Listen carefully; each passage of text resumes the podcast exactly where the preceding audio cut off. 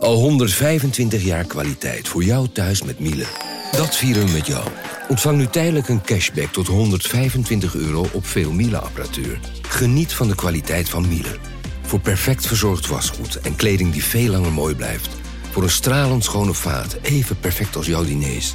En een stofvrij thuis waarin echt hygiënisch schoon de standaard is. Check miele.nl voor alle feestelijke aanbiedingen.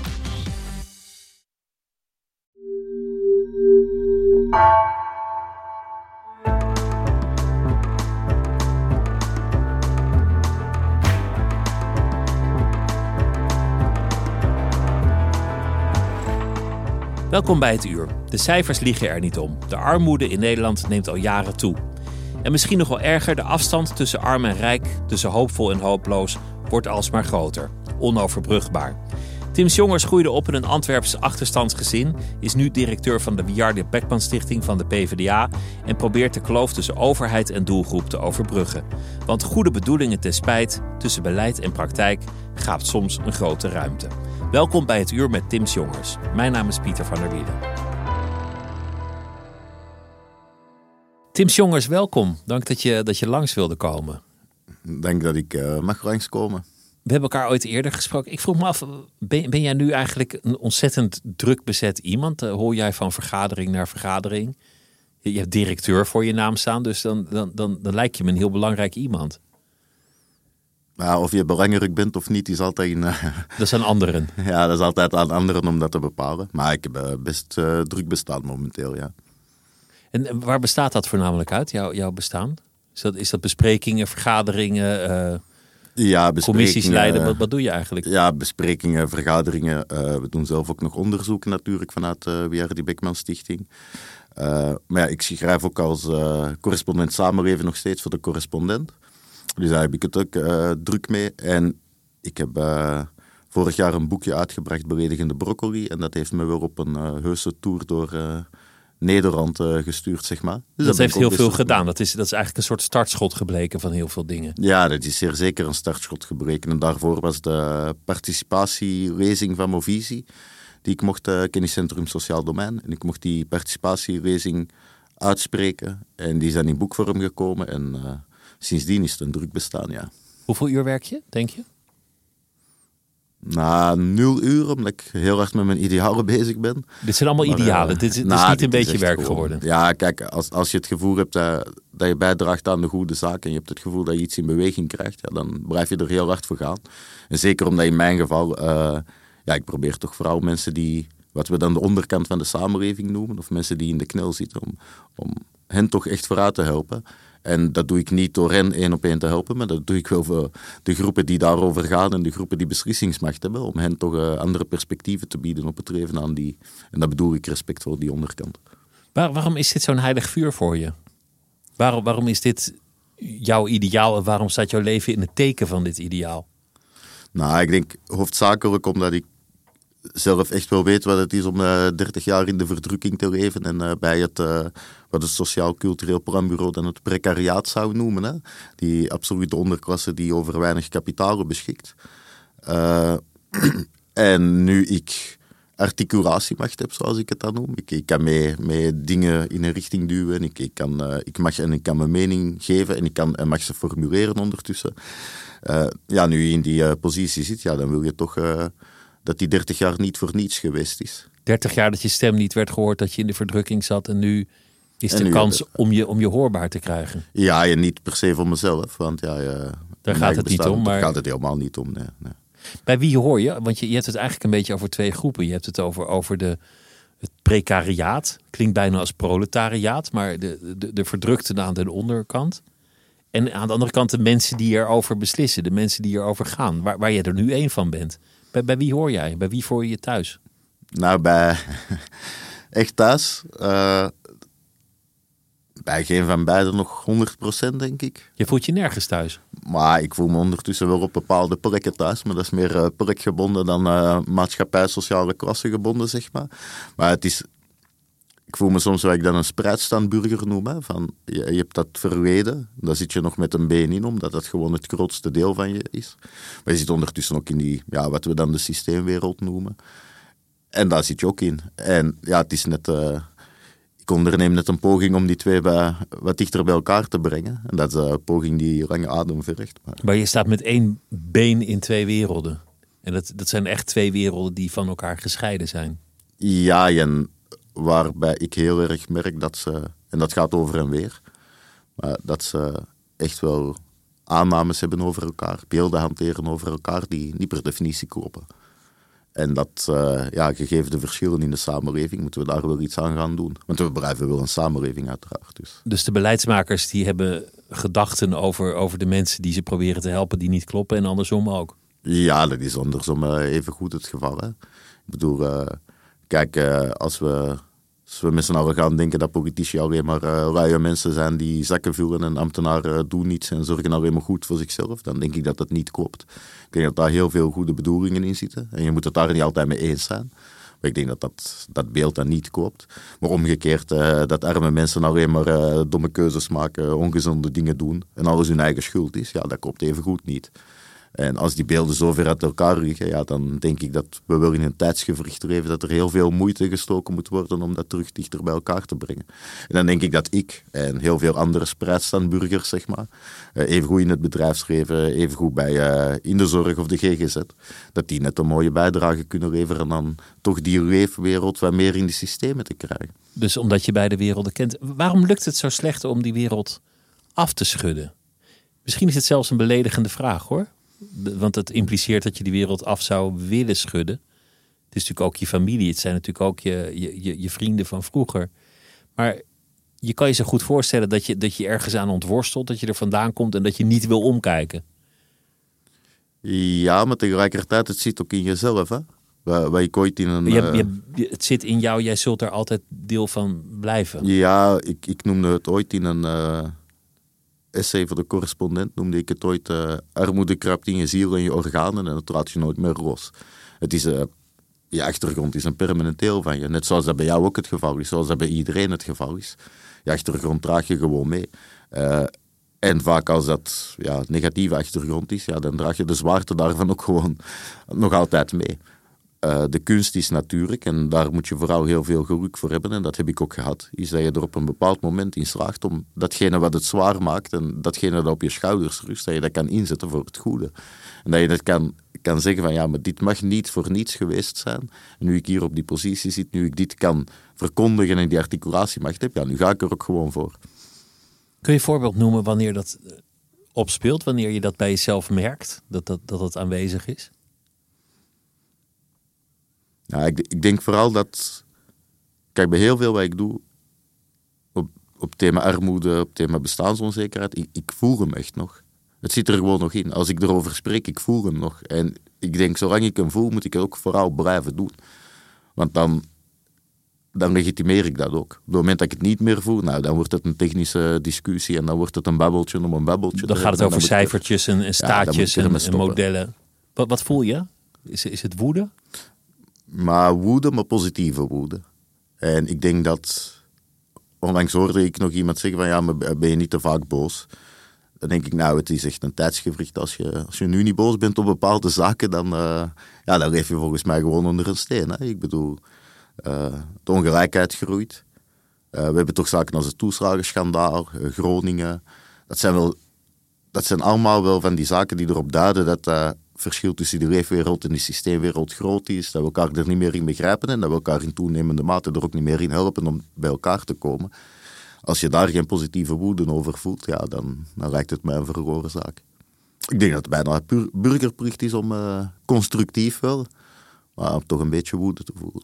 Het is ook in zekere zin een droevig beeld dat, dat iemand kennelijk de ervaring gehad moet hebben om, om er werk in te verrichten, om, om de materie te begrijpen. Dat je kennelijk alleen maar beleid kunt maken op een dossier dat je, dat je zelf aan de lijve hebt ondervonden. Dat, dat, dat is ook, ook een soort teleurstelling, want je zou zeggen empathie, kennisvergaring, dat, dat is universeel. Ja, en kijk, ik weet niet of het beeld zo zwart-wit is. Je kan volgens mij perfect beleid maken op thema's waar je zelf het subject niet van bent. Hè. Als je bereid maakt op armoede, hoef je volgens mij niet per definitie in armoede geleefd te hebben. Wat je wel moet doen, is uh, principieel bescheiden zijn. weten van oké, maar mijn bestaan is niet dat bestaan van die persoon waar ik uh, beleid over uitstort. Weten dus dat je niet alles weet, om ja, Socratisch dat, te zeggen. Ik, ik denk ook dat, dat je er... Je kan ook wel heel veel moeite doen om, om daar dichtbij te komen. Je kan in je vrije tijd naar, naar de voedselbank gaan en dan niet één keer in je functie, want ja, dan vertrouwt men je niet en dan krijg je niks mee. Maar als je tien vrijdagen achter elkaar bij die voedselbank staat, ja, dan krijg je gesprekken waar je van tevoren niet aan dacht. En dat is ook ervaringskennis. En dat, zouden we veel meer moeten stimuleren, dat, uh, dat ambtenaren, maar ik denk iedereen, hè, in het bedrijfsleven doen we dat toch ook, willen we toch ook uh, de, de krant goed kennen. Dus ik denk dat, dat, ik denk dat het gewoon voor iedereen beter is dat we dat proberen. En wat daaronder zit, jij zegt meten is weten. Kijk, wat we nu doen is, we baseren ons op drie kennisbronnen. Dat is professionele kennis, beleidskennis en uh, wetenschappelijke kennis. we, we, hebben allemaal een masterdiploma, we weten allemaal hoe we ingewikkelde notities moeten schrijven en we weten hoe de hazen lopen. Dat zijn onze drie kennisbronnen. Wat we zijn minder gaan waarderen, is ervaringskennis als kennisbron. En ik denk dat je, dat gewoon veel meer nodig hebt. Dan krijg je veel gevoeliger beleid. Beleid dat veel dichter ligt bij de mensen waar het om gaat. En ik denk dat het heel belangrijk is om daar gewoon uh, in te investeren en om, om daar misschien ook op te selecteren. Want als jij beleid wil maken op bijstand, dan is het heel belangrijk dat je twee masterdiploma's hebt. Maar het is helemaal niet belangrijk of dat je überhaupt weet wat de bijstand is. Maar je moet wel uh, politiek bestuurlijk sensitief kunnen zijn. Eigenlijk gaat het erom dat als je iemand wil helpen, dat je eerst vraagt wat hij nodig heeft ik denk dat dat uh, het uitgangspunt zou moeten zijn en dat dat niet in, de breedte mogelijk is, dat begrijp ik wel. Tegelijkertijd is het ook zo, we moeten realistisch zijn, pak een beet hè, om hem af te ronden voor 80%. Werkt beleid gewoon prima. Ik bedoel, als, uh, als ik in de knel kom, even, ja, dan vraag ik even WW aan, ga ik naar het UWV, moet ik sollicitatieplicht klaar. Heb ik even huurtoeslag nodig, dat is digitaal aan te vragen, daar kom ik wel uit. Er is natuurlijk een significante groep die daar helemaal niet uitkomt. En bij die groep moet je gewoon anders gaan redeneren. Zeker omdat de verschillen alleen maar hardnekkiger worden. En zoals het Sociaal Cultureel Planbureau mooi aangaf, ze zijn niet alleen economisch van aard. En ik denk dat we dat, als je nou die samenleving echt aanschouwt en beleid aanschouwt, dan denk ik, kijk, we hebben een outsourcingsklasse en we hebben een klasse die dat helemaal niet kan. Wat bedoel ik daarmee? Jij kan, denk ik, en dat hoop ik voor jou, maar als jij een juridische kwestie hebt, kan jij advocaat inschakelen. Als jij uh, ermee je belastingen niet uitkomt, kan jij belastingsadviseur inhuren. Als jij aankoopmakelaar, hypotheekmakelaar, noem maar op. Eventueel een schoonmaakster als je wil. Uh, en als je niet wil koken, kan je thuisbezorgd.nl doen. Je kan alles outsourcen. Omdat je het vermogen hebt om dat te outsourcen. Dat maakt wel dat je eigenlijk in principe, hè, als je een prats raakt, ben je niet echt een zelfredzame burger. Je hebt het vermogen om je niet zelfredzaamheid uit te sourcen. De mensen die dat niet kunnen, die niet tot die outsourcingsklasse behoren, ja, die gaan naar de overheid. En het eerste wat die overheid vraagt is hoe zelfredzaam bent u nog? Dus dan heb je niet zelfredzame burgers met vermogen die aan zelf, niet zelfredzame burgers zonder vermogen vragen hoe zelfredzaam ze nog zijn. En, en nu hebben we het dan eigenlijk over geld en, en vermogen, maar het gaat natuurlijk ook over de vraag of je mondig, assertief, handig bent. Je, noemt al, je kan het digitaal aanvragen. Je hebt ook mensen die zijn totaal digibeet je moet eigenlijk een soort Karen zijn. Karen is een soort scheldwoord voor, voor een, mondige burger die, die, die altijd assertief voor zichzelf weet op te komen. Ja, zo hebben we de systemen ook volgens dat mensbeeld van de kritische mondige burger hebben we die systemen opgetuigd. Maar die kritische mondige burger die zit vooral bij die 80% waar het voor, uh, waar het voor werkt. En het is gewoon zo, ja. Kijk, heel veel mensen zijn gewoon laaggeletterd. Uh, heel veel mensen zijn uh. Ja, daar is op zich ook helemaal niks mis mee. Ik bedoel, kijk, als we dat kunnen verhelpen, moeten we dat verhelpen. Maar het kan niet zo zijn dat als jij met die systemen niet mee kan, dat je dan per definitie constant in de knel moet komen omwille van die systemen. Daar moeten we dan anders over nadenken. En ik heb samen met uh, Albert-Jan Kruiter van het uh, Instituut voor Publieke Waarden, hebben deze week een essay geschreven over, ja, maar misschien zeker omdat die verschillen zo hardnekkig zijn, zo groot zijn, en omdat mensen gewoon mega hard in de knel zitten, moeten we misschien gaan nadenken over een bijzondere overheid. Net zoals we, hebben speciaal onderwijs voor mensen die niet mee kunnen in het reguliere onderwijs. Dat vinden we prima. Doen we met plezier. We hebben beschermde woonvormen voor mensen die niet op zichzelf kunnen wonen. En we hebben beschutte werkplekken voor mensen waar het reguliere arbeidsmarktcircuit uh, ontoereikend is. Waarom zouden we bepaalde groepen met multiproblematiek, die heel veel voorzieningen nodig hebben, waarin ook geen bijzondere overheid creëren. Dus een soort laaggeletterde overheid. Of, of zoals je vroeger een lomschool had, dat je nu een lomoverheid hebt. Ja, dat je zegt van, kijk, gewoon andere overheidsprincipes. Dan kan je voor die 80% kan je lekker uh, digitaal gaan... Uh, uh, doorontwikkelen tot dat Walhalla dat je wil zijn. En voor die 20% zeg je, ja, we gaan gewoon andere principes. We gaan met een poortwachter, poortwachter werken. Dat wil zeggen met aanzienspersoons. Iemand die op de koffie komt, iemand die met jou de, de problemen bespreekt. En dan op de achtergrond het regelt en jou met rust raadt. Dat je zegt, oké, we gaan niet kijken wat is nou binnen een jaar effectief en efficiënt. Maar wat is nou binnen vijf jaar maatschappelijk het meest rendabele dat we hier kunnen doen? Als die persoon al in de knel zit en er is een schuld van 1000 euro, dat betekent dat hij zijn huis gaat verliezen. Kunnen we dan niet beter die schuld gaan afbetalen? Want de huis verliezen, dat kost ons op vijf jaar, is dat een traject van uh, pak een beet 60.000 euro per jaar. Dus poortwachter, maatschappelijke rendabiliteit en wat volgens mij ook belangrijk is, is uh, dat je het primaat geeft aan die bijzondere overheid. En daar bedoel ik mee dat als er een conflict is tussen de zorgverlener, de GGZ-verlener, de gemeente, de woningbouwcorporatie. Als de bijzondere overheid zegt, ja, maar voor mijn cliënt gaat u het zo doen, dat u dat ook zo doet. En dat je daar echt gewoon apart, uh, apart geld voor vrijzet. Dus iemand die de weg weet. Is de eerste overheid, want jij, jij werkt dan voor een wetenschappelijk bureau van een politieke partij, maar uiteindelijk is waar die invloed op uitoefent de overheid. Is de overheid nog wel een medestander voor de mensen aan de onderkant? Of wordt die daar dat zou ik me namelijk best kunnen voorstellen, inmiddels gezien als een vijand.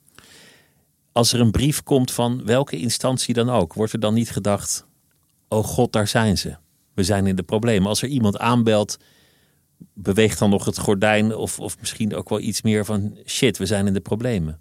Ik denk dat je daar een goed punt hebt. En ik, ik voel hem zelf ook nog zo. Hè? Ik bedoel, als de overheid eh, is de vijand. Ja, kijk, eh, vroeger kreeg ik een bruine aanval en dan ging mijn, mijn hartslag uh, tekeer tegenwoordig, hè, want ik woon nu in Nederland, zijn brabbe aanvallen, maar mijn hartslag gaat nog altijd een keer. Ik weet gewoon dat het van de overheid komt en dan word ik zenuwachtig. Heb terwijl ik, er eigenlijk... ik word daar ook al kortademig van. Ja, terwijl ik er op zich nog relatief weinig, weinig schrik van moet hebben. Maar ik, ik denk dat dat zeker ook klopt. En kijk, wat, wat we bijvoorbeeld zien, is dat als als mensen ziek zijn, dus aan de verkeerde kant van de gezondheidskloof, hè, de, die groep die dan uh, pak een beet acht jaar eerder sterft, uh, eh, 15 tot 17 jaar meer uh, zorg nodig zou hebben of minder goede gezondheid zou ervaren, dat als mensen ziek zijn, dat ook het vertrouwen in de overheid verdampt. En dat is niet omwille van die ziekte, maar dat is wel omwille van het feit dat je dan veelvuldig contact met die overheid hebt om je thuiszorg aan te vragen, om je WMO-voorzieningen, met maatschappelijke ondersteuning aan te vragen. Uh, de zorg levert op een bepaald moment niet meer. Je komt op de wachtlijst bij de GGZ. En als zoiets allemaal gebeurt, ja, dan verdampt dat de overheid. En als mensen het gevoel niet hebben van die overheid levert voor mij, waarom zouden mensen dan nog voor de overheid willen leveren? En daar, daar komt die geloof misschien ook al een beetje vandaan. Ik zat naar het journaal te kijken een tijdje terug, gewoon het, NOS-journaal. En daar, daar ging het over de energiecrisis. Mensen die de energierekening niet konden betalen. En ze hadden een echtpaar, die, die zaten heel bombastisch met hun winterjas aan, blauwbekkend in hun huiskamer. Ze hadden natuurlijk ook gewoon een dekentje kunnen doen, maar voor het beeld was die winterjas wel lekker. De een was onderwijzer en de ander die was uh, ook, ook iets in het onderwijs. Uh, toen dacht ik, als twee verdieners in het onderwijs al dit soort problemen hebben, dan wil je niet weten wat er aan de onderkant gebeurt op dit moment. We hebben een inflatie van zo'n 15% op jaarbasis. We hebben energierekeningen die totaal de pan uitschieten. Dat zit voor een deel in die inflatie, maar voor een deel ook niet. Dus, dus op dit moment zijn, zijn het eigenlijk ook gewoon mensen met een keurige baan die het allemaal niet meer aan elkaar kunnen knopen. Wat gebeurt er eigenlijk op dit moment aan die onderkant? Wat voor jaar is dit? Nou, ik, ik denk eh, een jaar met heel veel ellende, heel veel onzekerheid. En ik denk heel veel pijn en verdriet bij mensen. Ik denk dat vooral. Kijk, dit, dit is... Maar wat gebeurt er als iemand het gewoon niet meer kan betalen?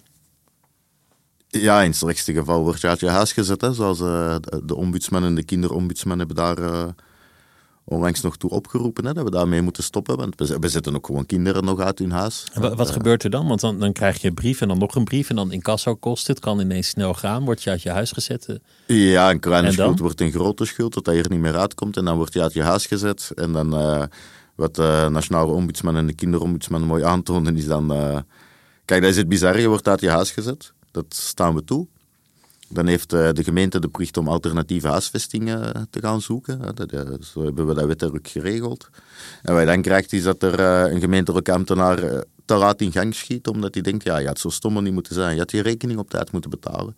Dus dat die empathie van, nou, het zou misschien ook gewoon niet kunnen zijn. Het is misschien niet alleen niet wil, het is misschien ook alleen niet kunnen. Dus je dat krijgt, gewoon al afwezig is. Je krijgt de schuld van, van je armoede op dat moment. Ja, dat, uh, kijk, en zo, zo, hebben we het de laatste jaren altijd gedaan. Hè. Wat ik constateer is dat we, als je kijkt naar de meritocratie, dat we van ideaal zijn opgeschoven naar een geloof. Wat bedoel ik daarmee? Kijk, als u uh, de hardste fietser bent en u wordt eerste, krijgt u goud, de tweede krijgt zilver, de derde krijgt brons en de laatste in het peloton die krijgt een handdruk, een bloemetje en volgende keer beter. Dat is het ideaal. We zijn opgeschoven naar een geloof. De eerste heeft het alleen maar om zichzelf te denken. Niet aan het feit dat hij een goede fiets heeft. Niet aan het feit dat hij ouders heeft die hem constant op de fiets heeft, hebben gezet. En niet aan het feit dat, uh, dat er goede coaches rondhangen. En die laatste die heeft het aan zichzelf te denken. Had maar harder moeten fietsen. Had maar moeten zorgen van de coach noem maar op. En dat zien we wel. Dat meritocratische geloof, dat dat dan ook betekent dat alles de eigen schuld is. En dat contextuele factoren er niet toe doen. Maar mee kunnen in de samenleving is gewoon ook niet iedereen gegeven. En er is, vind ik zelf, en dat is een persoonlijke opvatting, er is ook helemaal niks mis mee dat je niet mee kan in die samenleving. Waar wel iets mis mee is, is dat het we dat dan helemaal... Het maakt je niet een slecht mens. Het maakt je niet een minder mens. Als nee, je, als, je, niet kan, kan je toch niet. Ah ja, ik zou ook nooit proftennisser worden, maar moet ik nou door iedereen beschimd worden omdat ik nooit proftennisser zou worden? Ja, dat zou heel raar zijn. Ik heb andere kwaliteiten en andere talenten. Oké, die worden dan maatschappelijk wat minder gewaardeerd dan bij de proftennisser die uh, drie Grand Slams wint. Ja, ze zijn er wel. Dus is een wedstrijdje waar we de, de eerste krijgt een gouden beker en een medaille en een fles champagne. En de tweede krijgt een medaille. En de derde krijgt een bloemetje. En de laatste wordt in elkaar getrapt. Ja, ja, geen handdruk meer. Dat doen we niet meer. Nee, maar dan gaan we zeggen, ja, maar je houdt je handje omhoog. Dat kan niet. Dan gaan we je activeren en dan moet je van de bank. En dan alsof arme mensen niks te doen hebben. arm zijn is een dagtaak. Hè? Ik bedoel, eh, als je dat allemaal wil regelen. Je staat constant in overlevingsstand. Uh, je moet heel veel ballen in de lucht houden. Je krijgt heel veel uh, brieven waar je heel weinig van begrijpt. Je, je moet digitaal best vaardig zijn. Wil je niet de boetes gaan opstapelen. Dus ja, kijk, en dat is het punt net. Hè? Dat, dat, we hebben eigenlijk voor, voor die onderlaag hebben we een soort vissenkom-effect gecreëerd al zien, er zijn heel veel goed bedoelende voorzieningen. Op het moment dat heel veel mensen, eh, dat mensen veel voorzieningen nodig hebben, dan zijn die zo streng en zo scherp en zo ingewikkeld opgesteld dat wat bedoeld is om hen te doen groeien, eigenlijk de groei tegenhoudt. We houden ze hen letterlijk klein gewoon. Omdat ze een dagtaak hebben aan al die voorwaarden. En omdat die het ingewikkeld is opgezet. Hoe vaak ben jij als, als kind uit huis gezet? Ga, dat moet ik gaan tellen, maar enkel een malen. Maar om daar nou... Uh, Enkele malen, dat is, ja, dat is heel veel. Enkele malen, ja. ja. Wat, wat, herinner je daarvan? Hoe, hoe gaat nou, ik herinner mij vooral een, eh, een geel papier op uh, de voordeur. En ik wist de tweede keer van, oei, maar dus dit, dus jij kwam, jij dit kwam... is geen goed nieuws. Dat was een Pavlov-reactie die tweede keer of zo, dat je onmiddellijk denkt van... Wow. Jij kwam thuis of uit school van buiten spelen en er zat, zat een papier op de deur dat vertelde, je woont hier niet meer. Ja, ja, dat, uh, ja zo simpel is dat, ja. En kijk, er zou heel veel aan vooraf gegaan zijn, maar ja, dat krijg je als kind niet altijd mee natuurlijk. Dus ja, dat... Uh, ik heb nooit die brieven gelezen, hè. Die, nu zou ik ze lezen, ja, toen... Uh, hoe oud was jij toen? Ik denk de eerste keer elf, maar dat weet ik. Ja, elf of iets jonger. Sowieso nog basisonderwijs. Dus, uh, niet op een leeftijd dat je met dat soort dingen bezig zou moeten houden? Nee, natuurlijk niet. Nee, nee, dat, uh, dat zou in principe de bedoeling niet mogen zijn. Nee. Hoe oud was jij volwassen? Ja, dat al rond mijn twaalfde, dertiende geweest zal zijn.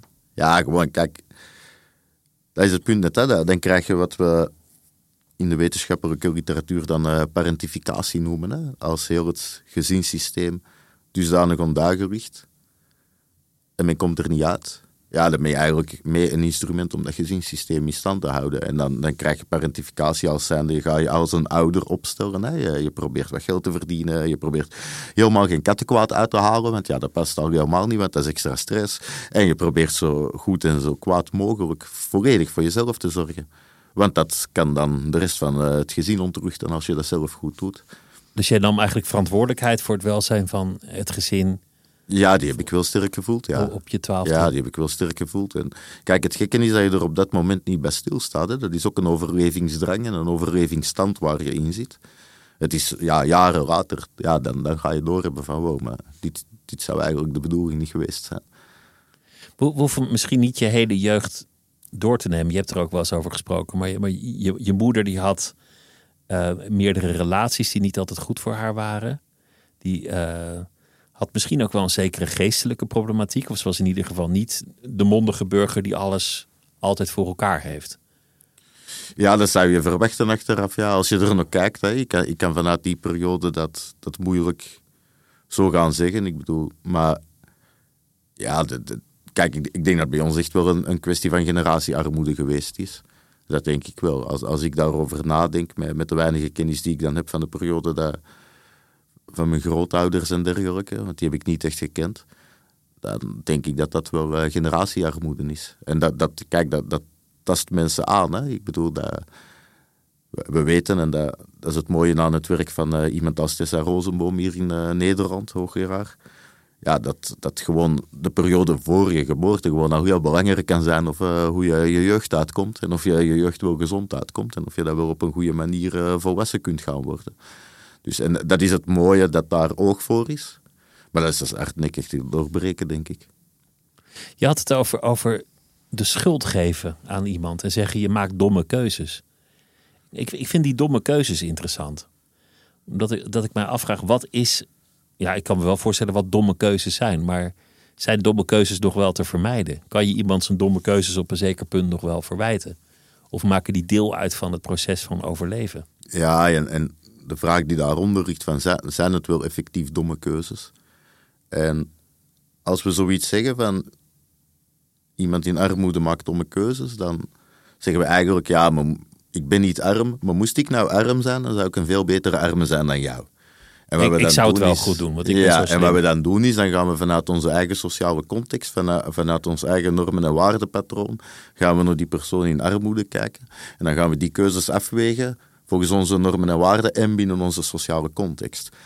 Uh, en wat krijg je dan? Iemand die bijvoorbeeld in de bijstand leeft, die, uh, die krijgt dan de bijstand uh, in het begin van de maand. En die koopt schoenen. En dan denken wij, ja, maar ja, dat is toch dom, want dat zijn schoenen van 100 euro en je moet nog een hele maand toekomen. Wat doe je nou? Je had even goed naar de weggeefwinkel kunnen gaan en dan, dan gaan we dat beoordelen. Terwijl als wij onze loon krijgen, ja, dan, dan verwinnen we onszelf. En dan zeggen we tegen onszelf, ja, maar we hebben er toch super hard voor gewerkt. En we geloven dat ook nog. Hè? Van, van 9 tot half 5 hebben we dan ook heel hard gewerkt, 32 uur per week. Uh, en dan verwinnen we onszelf en dan kopen we een jurkje of dan kopen we, ja, de, die praat die je al heel lang wilde, weet ik veel waar je interesses liggen. Waar we daar niet in meenemen in die afweging bij die arme persoon is van ja, er wordt gewoon 29 dagen wordt heel dat systeem van die persoon gigantisch onder druk gezet. 29 dagen wordt daar op neergekeken. 29 dagen gaan we moraliseren, gaan we stigmatiseren. 29 dagen ben je de hofnar van de samenleving. En als je dan één dag koning of koningin wil zijn, maar jij doet toch domme dingen. Terwijl dat misschien echt nodig is om terug die 29 dagen hofnar eh, te zijn van die om, samenleving. Om je gewoon één dag niet een verliezer te voelen, om gewoon één dag iets voor jezelf te doen of de grote jongen uit te hangen of al is het maar een rondje in de kroeg. Ja, ja waarom ook niet? Kijk, en dan krijg ik ook met, met heel dat gebeuren. Ja, ze hebben allemaal een flatscreen. Nou, punt 1, heel Nederland heeft een flatscreen. Ik bedoel, dat is volgens mij dat gewoon uh, een basisvoorziening geworden in Nederland. Dus uh, waarom zou dat dan niet zo mogen zijn als je een armoede heeft? En punt twee, ja, wie ben jij om die flatscreen te gaan beoordelen in die context? Ik bedoel, wat moet die persoon anders? Ja, die gaat s'avonds niet naar de tennisclub of naar de hockeyclub. Die kan s'avonds niet naar de kroeg. Want ja, 3,60 euro tegenwoordig voor een biertje, te laat. Dus ja, je moet iets. Hoe kan het dat jij, dat jij eraan hebt kunnen ontworstelen als, als jonge man? Ik denk geluk. Ik denk dat dit echt een factor geluk is. Is dat niet bescheidenheid? En ook een factor, is, dat, is dat niet, want je hebt het toch zelf gedaan? Is, is dan zeggen het is geluk? Ja, maar het is, het is ook gewoon geluk, denk ik. Kijk, ik heb uiteindelijk vijf jaar uh, op de universiteit gezeten. Ik heb dat gecombineerd vijf jaar met een fulltime baan, veel als s'nachts ja, als ik tijdens die vijf jaar mijn been had gebroken, dan had alles aan die geweest. Dus ik heb heel veel geluk gehad dat ik mijn been niet heb gebroken. Ik heb heel veel geluk gehad dat ik het mentaal en fysiek heb aangekund. Ik heb heel veel geluk gehad dat ik blijkbaar de competenties en het cognitieve vermogen heb om universiteit te doen. Dat is allemaal geluk. Ja, dat, In die zin heeft Usain Bolt geluk dat hij, dat hij zo gebouwd is dat hij heel hard kan lopen. Ja, maar ik denk dat dat, eh, ik denk dat, dat per definitie is. En kijk, je, je, je kan niet alles met die factor geluk gaan wegredeneren. Ik bedoel, mensen werken ook gewoon heel hard. Mensen eh, nemen risico's en dat zijn dan goede risico's. Eh, daar zit vaak ook geluk in. Maar je moet niet alles met die factor geluk wegredeneren, maar je moet hem ook niet gaan ontkennen. Maar er moet toch ergens in jouw jonge jaren een soort bewustzijn geweest dat het mogelijk was om verder te komen. Alleen al de gedachte dat je naar de universiteit zou kunnen, is ergens vandaan gekomen. Ja, wat, ik- wel altijd gemerkt heb. Ik heb altijd raak betaalde en ja, niet de meest eh, leuke baantjes gehad. Wat ik altijd wel merkte, is dat, dat er wel meer in zat. En dat ik vaak ook wel te horen kreeg dat er meer in zat. En ik was eigenlijk eh, in basisonderwijs best een goede student. En dat is dan later eh, volledig vertroebeld, maar dat had dan meer met contextuele factoren te maken. Kijk, als je geen project, hebt, geen project hebt om te studeren, ja, dan, dan kom je er niet. Als je geen boeken kan kopen om te studeren, ja, dan kom je er niet. Eh, en dan ga je, ja, uiteindelijk word je dan eh 17, 18 en dan moet je iets met je leven, eh, zonder dat je echt noemenswaardige diploma's hebt. Maar ja, je, je voelt wel van ja, er zit hier meer in. Ik heb bepaalde interesses die, die niet vervuld zijn. En op een bepaald moment eh, ja, neem, neem je de sprong in het diepe en ga je het proberen. En zet je wel alles onder druk. Alles, eh, al- alles wordt één groot risico. Eh, en dan moet je maar geluk hebben dat je daar goed uitkomt. Wat, wat bedoel je met dat, dat alles één groot risico werd? Ja, ja. Je zet je gezondheid onder druk. Hè. Als je vier, vijf jaar eh, s s'nachts gaat studeren overdag op de universiteitsbanken, zet je je gezondheid onder druk. Tegelijkertijd, en daar begon ons gesprek ook bij, je weet met iedere stap die je vooruit zet dat je ook iets verliest. Hè. Je laat ook iets achter. Je, je ziet die afstand groeien tussen waar je gewoon bent en, en waar je naartoe gaat. Vo- Voelde dat als verraad? Verraad, dat weet ik niet. Dat, dat vind ik echt een goede vraag. Voelt dat als verraad? Nee, dat gevoel heb ik niet. Maar het heeft wel. ja, het, het heeft me wel veranderd in mijn opvattingen of zo. En ook, ook over vroeger, ook over de toekomst. En ik heb me wel. Maar dat was dan later. Best wel over relatief simpele dingen heel schuldig gevoeld. Ik weet nog goed dat ik de, de eerste keer eh, aan mijn eerste kantoorbaantje. Voordien ging ik vaak eh 12, 13, 14 uur per dag afwassen om rond te komen. Dat eerste kantoorbaantje. En dan had ik het gevoel van, ja, maar ik heb nou een hele dag koffie gedronken en gebabbeld met mensen. En ik krijg hier gewoon eh, pak een beetje 2000 euro net over 32 uur in de week. Daar heb ik me wel schuldig over gevoeld. En de- in dat eerste half jaar heb ik wel heel vaak het gevoel gehad van ja, maar dit klopt toch niet. Als we kijken hoe mensen aan die onderkant hun gezin op spel zetten, hun gezondheid op spel zetten, voor die laagbetaalde arbeid aan een minimumroontje, daardoor ook nog eens in een minder veilige, minder leuke wijk moeten gaan wonen, voor, om net rond te komen. En tegenwoordig in toenemende mate zelf niet meer rond te komen. Maar dan denk ik dat dat gewoon, eh, ja, dat zijn de filantropen van onze samenleving. De mensen aan de onderkant zijn de Ja, dat, eh, die, die, die zetten dingen op spel die kan jij eh, niet op spel zullen willen zetten voor pak een beet eh, 1700 euro in de maand. En houden wel de hele boel draaiende daarmee. Ja, dat, dat hebben we tijdens corona wel gemerkt, denk ik. En dat zien we nu ook met die stakingen. Dat zien we ook met huisvuil eh, ophalen en noem maar op. Dus. Hoe was dat toen je dan... Je, je werkte in een nachtopvang in Antwerpen. De hele nacht werken. En dan terwijl anderen net uit hun bed kwamen en zeiden... Goh, wel, wel vroeg zo'n college. Kwam jij uit je werk? Voelde dat toen al als twee werelden? Ja, ja, zeer zeker. En kijk, het gekke was, in die nachtopvang, dat, dat was met dakloze verslaafde mensen. En dakloos en verslaafd. Eh heroïnegebruik mocht daar vrij open. En het gekke was, ja, het is zeven minuten fietsen. Van die nachtopvang naar die universiteit is letterlijk zeven minuten fietsen en je komt gewoon in een heel andere wereld terecht. En als je dan in die nachtopvang de dossiers van die gasten bekeek, dan zie je dat veel ellende vaak al voor de geboorte begonnen is. Dat dan tijdens de jeugd ook heel veel ellende gebeurt. Dat er dan vaak onvoldoende netwerk is om het op te vangen. Er komt er een overheid in gang, die, die mist signalen. Of die biedt hulp die geen hulp blijkt te zijn. En dan, ja, na 30 jaar zakt men volledig door de, door de hoeven. Maar als je dan die zeven minuten fietst en op die universiteit terechtkomt, zie je eigenlijk net hetzelfde. Heel veel is gewoon al voor de geboorte vastgelegd. Ze worden gewoon in een goed gezin geboren. De ouders hebben het goed, de ouders zijn zelf academisch geschoold. Ze hebben een jeugd waarin alles goed gefaciliteerd wordt, waarin ze zelf weinig moeten doen.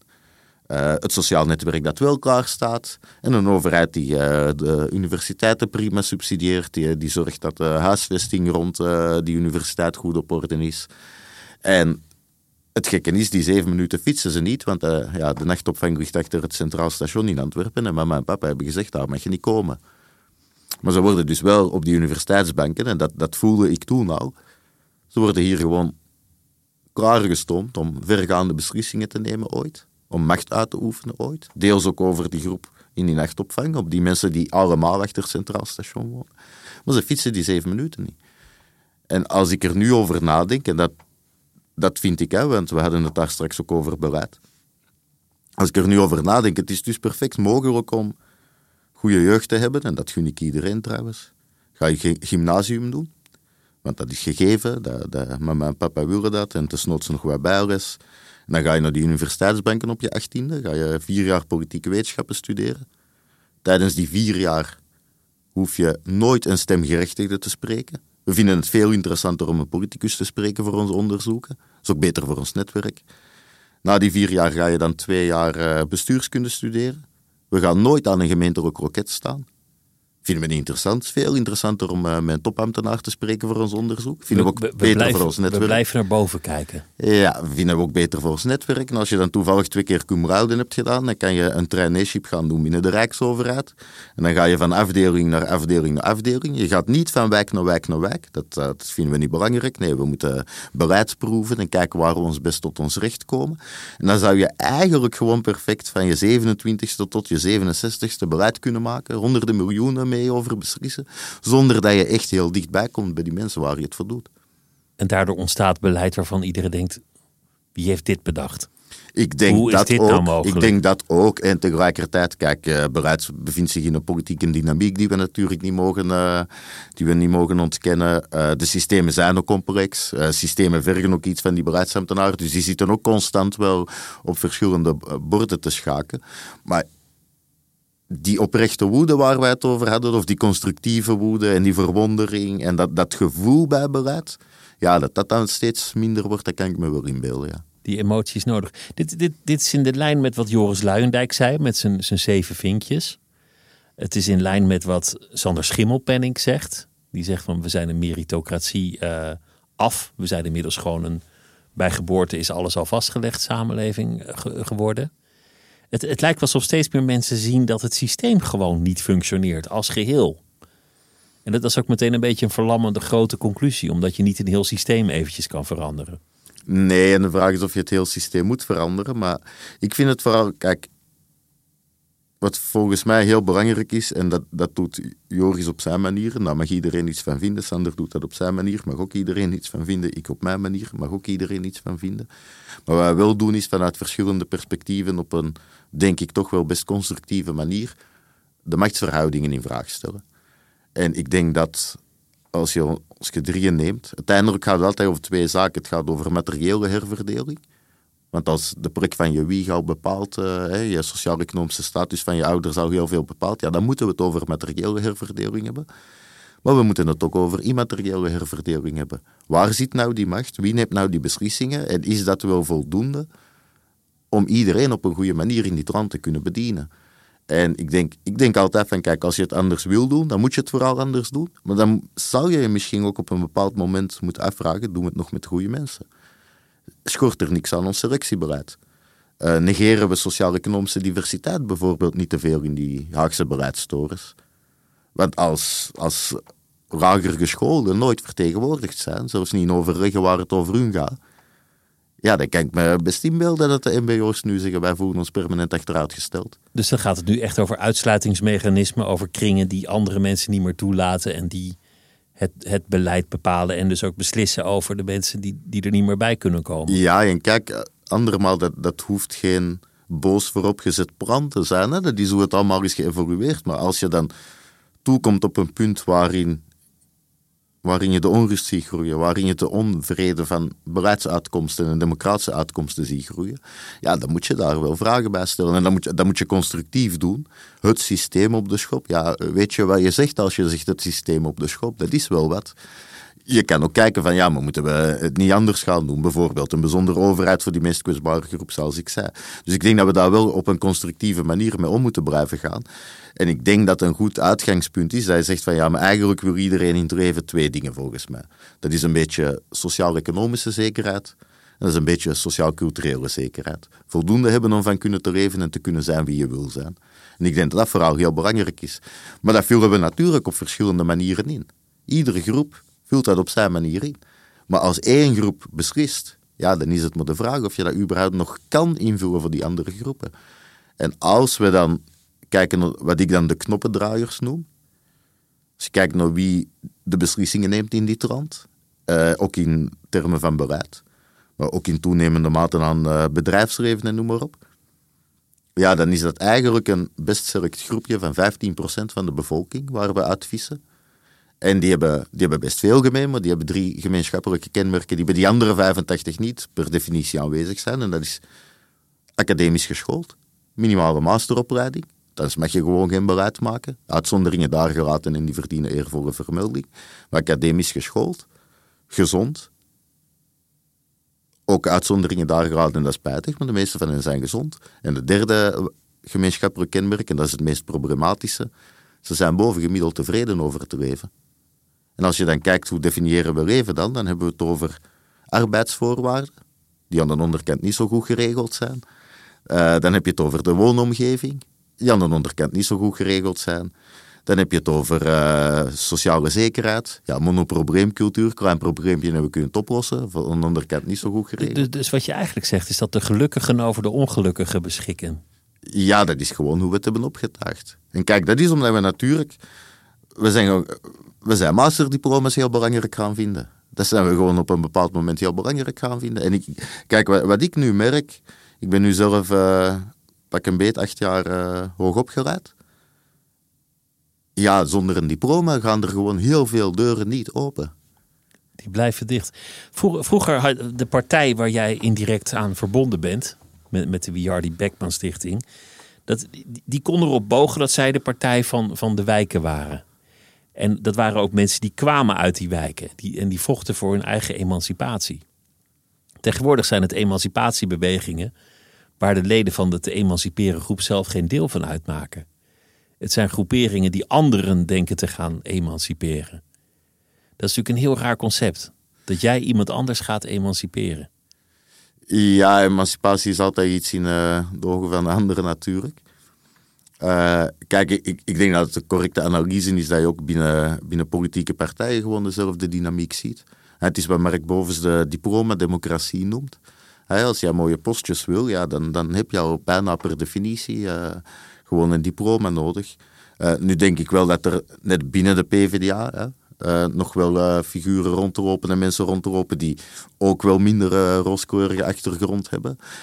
of die, die uit gebieden komen waar men toch al heel lang het gevoel heeft dat ze achteruitgesteld zijn. Maar, maar in die wijken wordt op andere partijen gestemd. En gek genoeg vaak heel erg ter rechterzijde. Andere thema's lijken, als ze al gaan stemmen, in dat stemhokje de boventoon te voeren.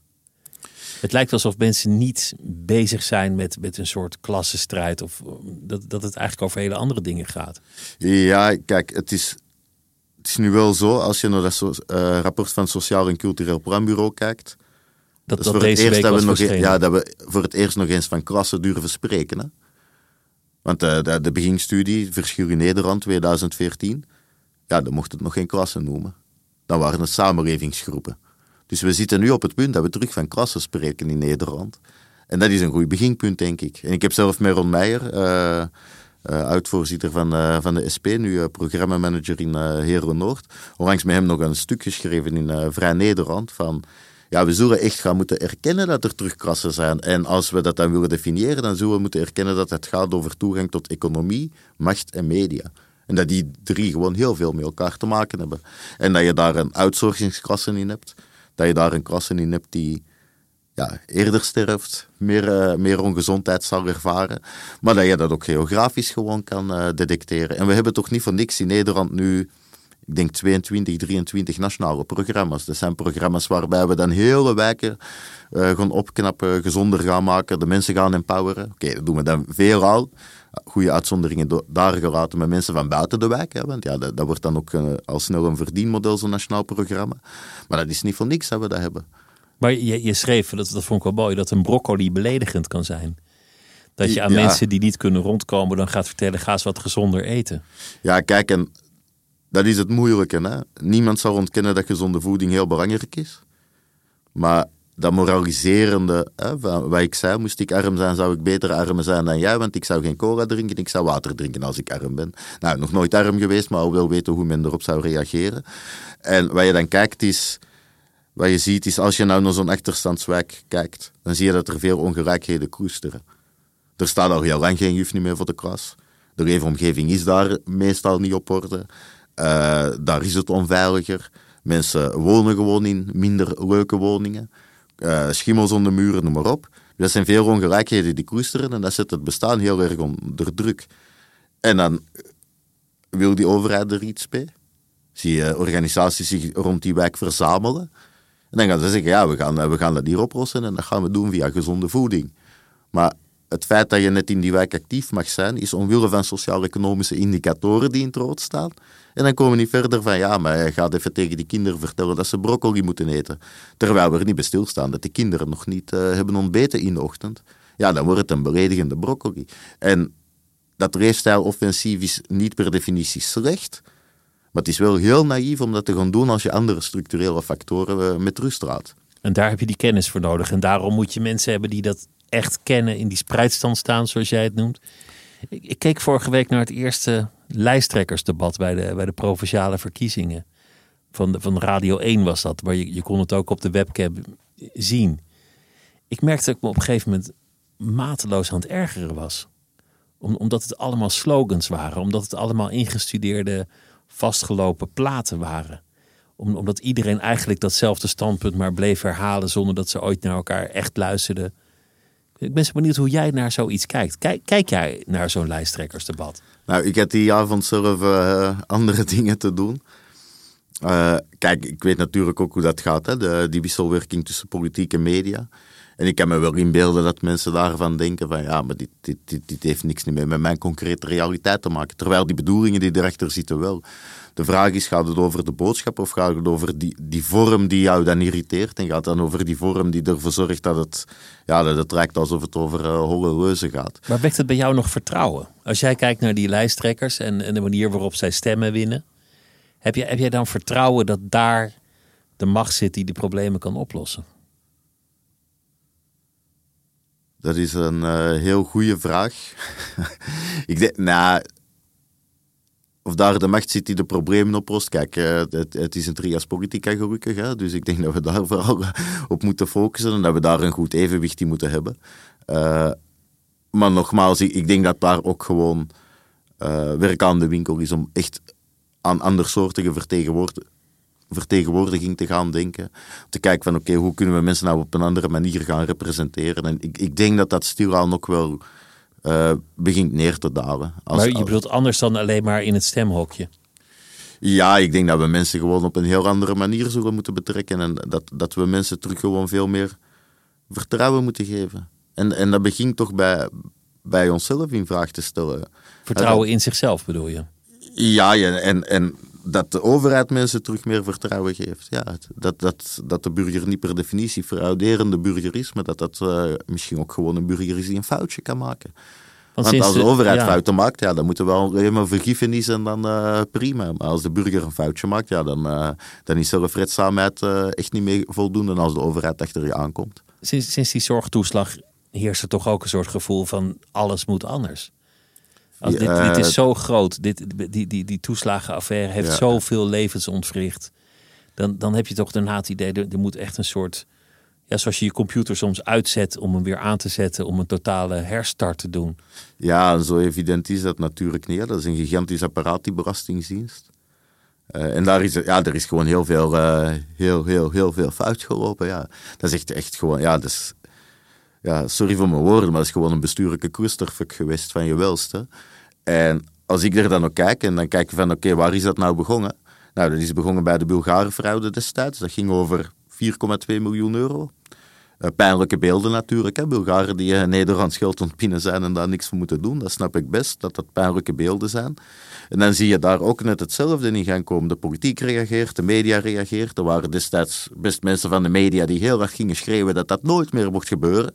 Dezelfde mensen die nadien heel erg gaan schreeuwen dat die toeslagenaffaire nooit meer mag gebeuren. Ja, er waren columns die zeiden: ben ik de enige die niet met, uh, met een uitkering op een Bulgaars strand ligt? En wel, ja, kijk, dat van die zaken. En dan zie je als, als ik daar dan ook kijk, dan denk ik, ja, maar dit is weer zo'n typisch geval van een overheid die haar verlies niet incalculeert. Want we zijn nu al om een, om een bij de 5 miljard euro kwijt hè, in heel die herstelaffaire, in die, in die compensaties, noem maar op. Gigantische machinerie die, die het nog steeds niet voldoende doet, als ik uh, de media mag uh, geloven ja, wie zou met de kennis van nu zeggen, hoe gaan we reageren op die 4,2 miljoen euro? Ik denk dat heel veel mensen zouden zeggen, ja, laat het hangen en uh, wees wat strenger voor Bulgaren. Maar gewoon niet heel je algoritmes aanpassen en gewoon niet heel je systeem aanpassen. Maar dat was politiek gewin. Ik zal streng zijn, ik zal optreden. Ja, wel, ja, maar ja, kijk, als, als, dat de wijze is om aan politiek te doen en dat brengt dan uh, gezinnen in de knel, ja, dan, dan is het wel heel cynisch dat je onderzoek 538 gaat bestellen van hoe komt het nou dat mensen ons niet meer vertrouwen. Dat soort dingen gaat het over. Armoede is eigenlijk. Ik, ik heb een aantal van jouw artikelen gelezen. Een aantal van die rapporten, onder meer dat, dat Sociaal Cultureel Planbureau. Het viel me op dat sommige oplossingen zo ontzettend eenvoudig zijn. De, bijvoorbeeld een, een ontbijt op een basisschool collectief organiseren. De, de, de, conciërge haalt een paar broden, een paar plakjes kaas en, en wat margarine. En, en dat maakt een reusachtig verschil op de leerprestaties. Sommige van die oplossingen die zijn eigenlijk goedkoop, eenvoudig en die zou je bij wijze van spreken vandaag kunnen uitvoeren. Ja, dat denk ik wel. Ik, ik denk dat, vaak, uh, dat het vaak ook allemaal zo ingewikkeld niet is. Maar ja, raadt het systeem dat toe en raadt, raadt ook onze, ja, bijna onze heilige focus op eigen verantwoordelijkheid dat toe. Dus het is een moreel probleem. Wij vinden het moreel verwerpelijk dat iemand schulden heeft bijvoorbeeld. Ja, bijvoorbeeld dat. Maar ja, dan kom je in een industrie terecht die, uh, die paar miljard uh, schulden per jaar probeert te innen. En daar dubbelen aan de inningskosten, om die schulden kwijt is aan inningskosten. Om dan eruit uit te komen dat je, dat je 35% van die schulden maar geïnd hebt. En kijk, dat, dat is het punt, hè, dat, dat als je schulden hebt, ben je per definitie ook schuldig. Het zit ook in het woord. Hè. In, het Engels heb je guilt en debt en daar zit nog een of andere nuance op. Ja, dat, dat kennen we in Nederland helemaal niet. En dan is het altijd eigen verantwoordelijkheid. Maar we zien vaak dat schulden echt wel door een foutje gebeuren of door een live event. Hè. Men, komt in een scheiding terecht, moet dan een oplossing zoeken, dan wat schulden, vergeet de belastingsbrief in te vullen, nog extra schulden en dan komt men er niet uit. En dan moet men volledig door de hoeven zakken alvorens er een goede hulpverlening in gang schiet.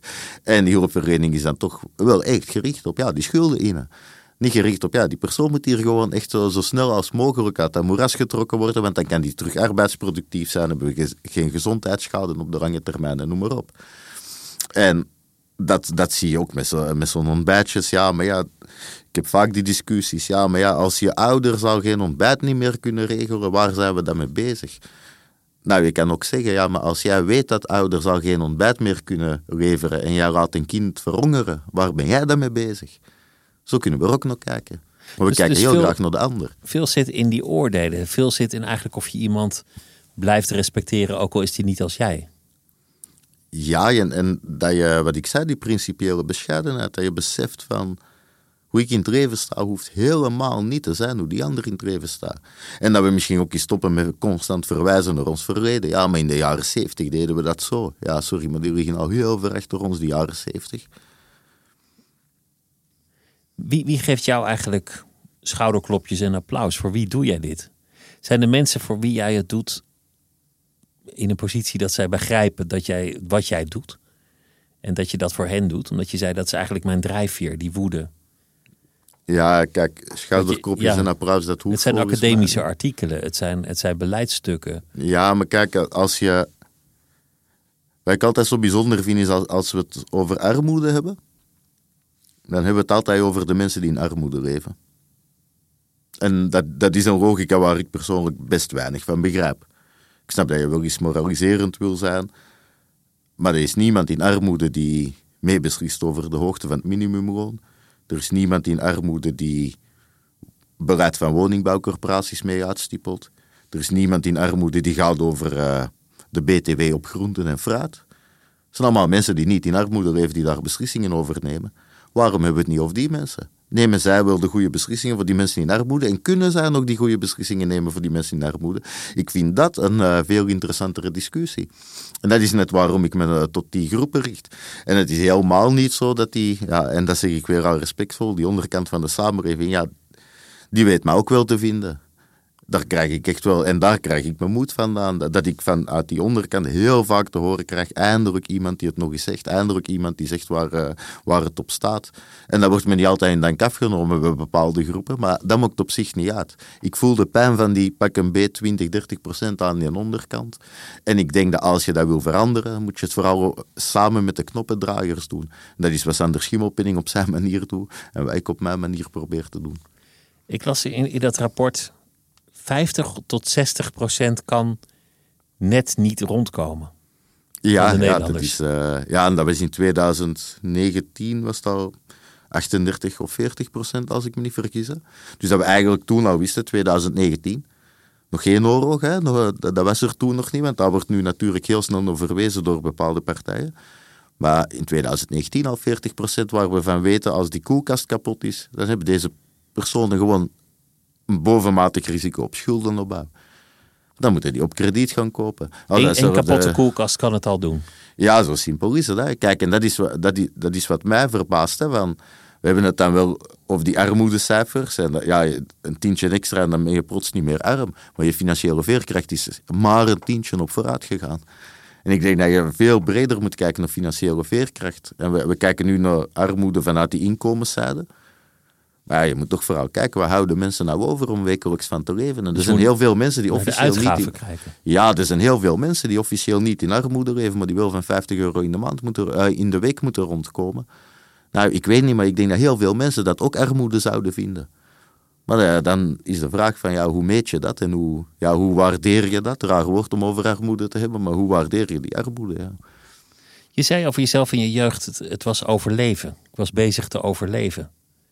Maar waar gaat je leven nu over? Wat is, wat is voor jou in jouw bestaan het belangrijkste? Nou, ik denk uh, op dit moment momenteel uh, de idealen waar ik, voor, uh, waar ik voor strijd. Echt op nummer één. En ja, het is, kijk, en er is niks zo mooi als fulltime met je idealen bezig te kunnen zijn. Maar je merkt soms ook wel echt dat, dat er iets in beweging komt en dat gaat traag en dat is frustrerend en dat snap ik allemaal wel. Maar dat je daarmee een, een, een kracht achter kan zijn en dat je daarmee een bepaalde groep echt kan steunen, ja, dat, dat vind ik wel mooi. Dat is echt wel heel mooi. En ja, natuurlijk, ik heb ook mijn hobby's en uh, mijn privéleven, maar nee, dat vind ik wel uh, heel belangrijk. En wat is jouw ideaal dan, in essentie? Nou, ik, ik denk het, het streven naar gelijke kansen, dat, dat klinkt wollig. En dat zal hem ook nooit worden, want mensen verschillen. Maar streven naar een uh, menswaardig bestaan voor iedereen. Een bestaan waar iedereen uh, zichzelf kan zijn, zichzelf mag zijn. En zichzelf een beetje weet te uh, ontwikkelen zoals hij of zij dat voor zich ziet. Nou, dat vind ik wel een heel belangrijke. Want kijk, er is... Ik zelf heb, wat ik dan noemen een gevoel van hopeloosheid meegemaakt. En ik spreek ook vaak over de hoopvolle versus de hopeloze. Niet hopeloos, maar hopeloos, zonder hoop. En we zien is dat hopeloosheid, dat, dat is een gevoel dat ontstaat wanneer de huidige situatie ronduit negatief is. Wanneer simpele doelen niet bereikt kunnen worden en zelfs niet gesteld kunnen worden. Bijvoorbeeld een opleiding die, die niet in bereik ligt. En wanneer de, het zicht op de toekomst even goed ronduit negatief is. Als die drie clusteren, dan is er hopeloosheid. En ik denk iemand die hopeloosheid heeft gekend, ja, daar wens je gewoon niemand toe. En daar moeten we echt naar kijken. En die, als er mensen hopeloos zijn, die periode moet zo kort mogelijk, want dat is de schade van morgen, van overmorgen. En dat zijn de kosten, zorgkosten van morgen en overmorgen. Dus hoop is eigenlijk belangrijker dan het bestaan nu. Je hoeft niet rijk te zijn. als je maar hoop hebt dat je, dat je zult verbeteren. Ik dat denk dat hoop heel belangrijk is. Ik denk dat hoop echt, echt een, uh, een heel belangrijk concept is in ons leven. En dat we, daar, dat we daar soms heel vaag over doen. Maar als je dat dan afspeelt zoals ik net heb gedaan op die, op die driesprong, dat dat echt een heel belangrijke is er is toch niks zo, niks zo mooi als weten dat je, dat je morgen wil opstaan. En dat je, dat je morgen zin hebt in de dag. En dat je denkt dat je morgen weer iets leuks kan gaan doen of weer een doel kan bereiken. En als dat heel lang afwezig is doordat je of knel zit in systemen of in een heel depriverende context opgroeit. Ja, ik denk dat het wel echt onze taak is om dan een tandje bij te steken. Mensen hoop te geven. Dank je wel dat je langs wilde komen. Het was een groot genoegen. Heel graag gedaan, dank je wel. En dat was het uur voor deze week. Volgende week dan zijn we er weer. Het uur wordt gemaakt door Mira Zeehandelaar en Anne Moraal is de chef van de audioredactie. Tot volgende week.